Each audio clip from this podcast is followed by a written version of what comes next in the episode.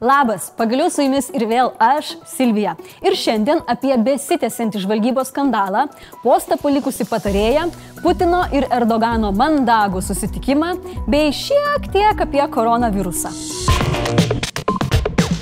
Paaiškėjo Vytauto Bako informatoriaus tapatybė. Ne mums, o VSD.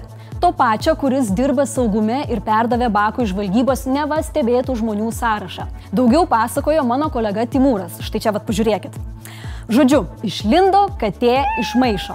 Arba, kaip sako VSD, katė pati prisipažino. Bakas teigia, kad vakar saugumo direktoriaus pavaduotojas pranešėją iškvietė ant kilimėlio ir tardė. Bakas taip pat paragino prezidentą laikinai nušalinti ir VSD vadovą, ir pavaduotoją. Žvalgybos galva Darius Jauniškis kaltinimus neigia ir tikina, kad tarnyba laikosi įstatymų ir nieko nespaudė. Nevertinu pranešėjo motyvo ar kitų aplinkybių. Svarbiausia yra tai, kad jis tapo politinių iniciatyvų įrankių ir auka. Teoriškai pranešėjų nėra ko bijoti. Žvalgybininkai turi teisę kreiptis į NSGK, jeigu kyla įtarimų dėl institucijos vykdomos veiklos. VSD direktorius pripažino, kad rinkimų laikotarpiu buvo susitikęs su prezidento posto siekusiu Vygaudu Šatsku. Negrasino, o tik asmeniškai Vygaudą įspėjo apie jo komandos narių ryšius su Rusijos tarnybomis. Ušatskas neigia, sako, Jo, kalbėjom, tik ne pernai, o prieš ketverius metus, kai jis buvo ES ambasadoriumi Rusijoje. Prezidentas dar kartą patvirtino, neturi pagrindo abejoti VSD veikla ir ši istorija jam primena dirbtinai sukeltą skandalą bei valstybei kenkiančių faktų interpretavimą. Šią temą Sime šaukiamas NSGK komiteto posėdis. Antrą kartą. Kur šioje istorijoje tiesa? Nu, tiesa visada kažkur slypia napus. Saulis Kvarnelis lieka be ištikimo patarėjo Skirmanto Malinausko. Šis padėjo ant stalo pareiškimą dėl ekstremalę situaciją dabar valdančio Aurelijaus Verygos nepasitikėjimo. Pats Veryga aiškina, kad Malinauskas su juo nederino žinučių ir kėlė paniką.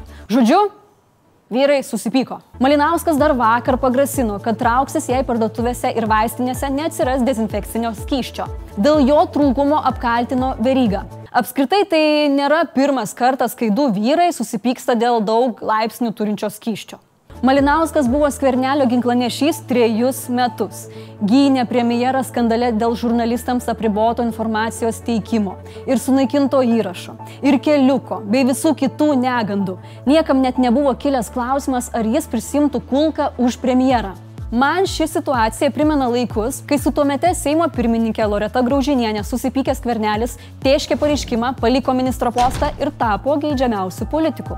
Pagal tokią logiką, greitų metų skirmantas turėtų pareikšti, su kuo ir kada eis į Seimą. Na, o jei ne, nuo šiol galėsime visiems priminti, kad ne Šustauskas vis dar be darbo, o Malinauskas.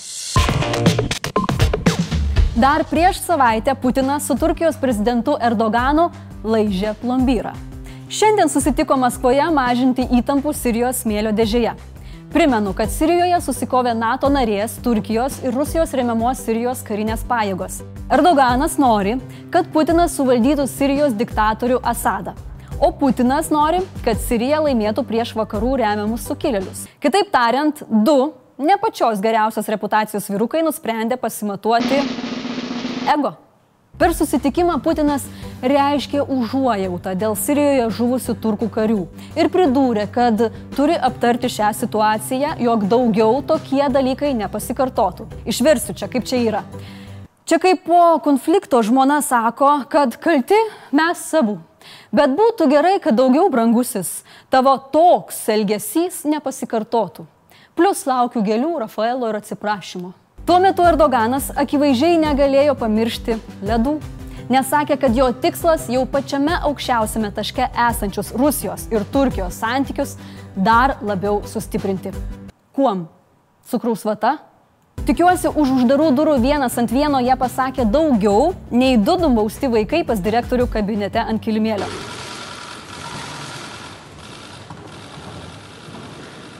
Nes jei du ledų mėgėjai nesusitars, Tai grėsia, pirma, didelė pabėgėlių banga į Europą, antra, NATO įsikišimu ir trečia, dar daugiau mirčių. Jei nesusitars, siūlau diskvalifikuoti abi šalis iš Eurovizijos. Lietuvoje koronaviruso atveju nedaugėjant, Estija praneša apie trečią užsikrėtusi. Apie pirmus užkrato atvejus pranešė Bosnija ir Hercegovina, o Šveicarija apie pirmą mirtį. Tuo metu Italijoje mirčių skaičiui perkopus šimtą uždarytos mokyklos.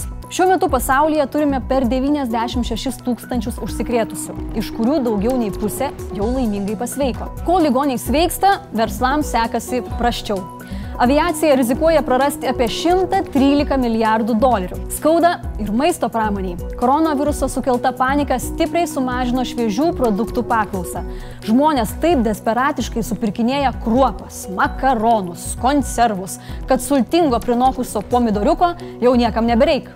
Epidemijos net laikė net Bondas, Džeimsas Bondas. Atidėta naujo filmo apie legendinį šnipą premjera turėjusi vykti balandį. Dabar kino teatro ekranuose Danielį Kreigą pamatysime tik lapkričio pabaigoje. O blogiečiai jau žinos, kaip sustabdyti Bondą. Nu, užteks vat tik pakosėt. Blitz naujienos. 11 Lietuvos įmonių leista gaminti dezinfekcinį skystį.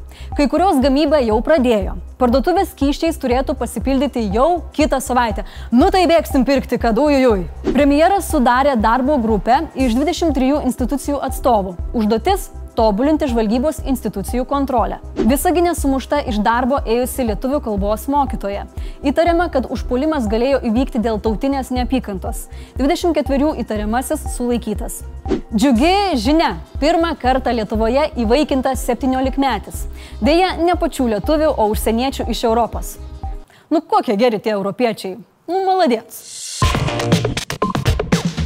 Pasimatysim pirmadienį. Merginos, sekmadienį gavusios gėlių apsimiskit, jog nesitikėjot jų gauti, pavyzdžiui, vad kaip šis katinuks. Remkit mus Patreone, prenumeruokite ir laikinkit video. Tiek žinių.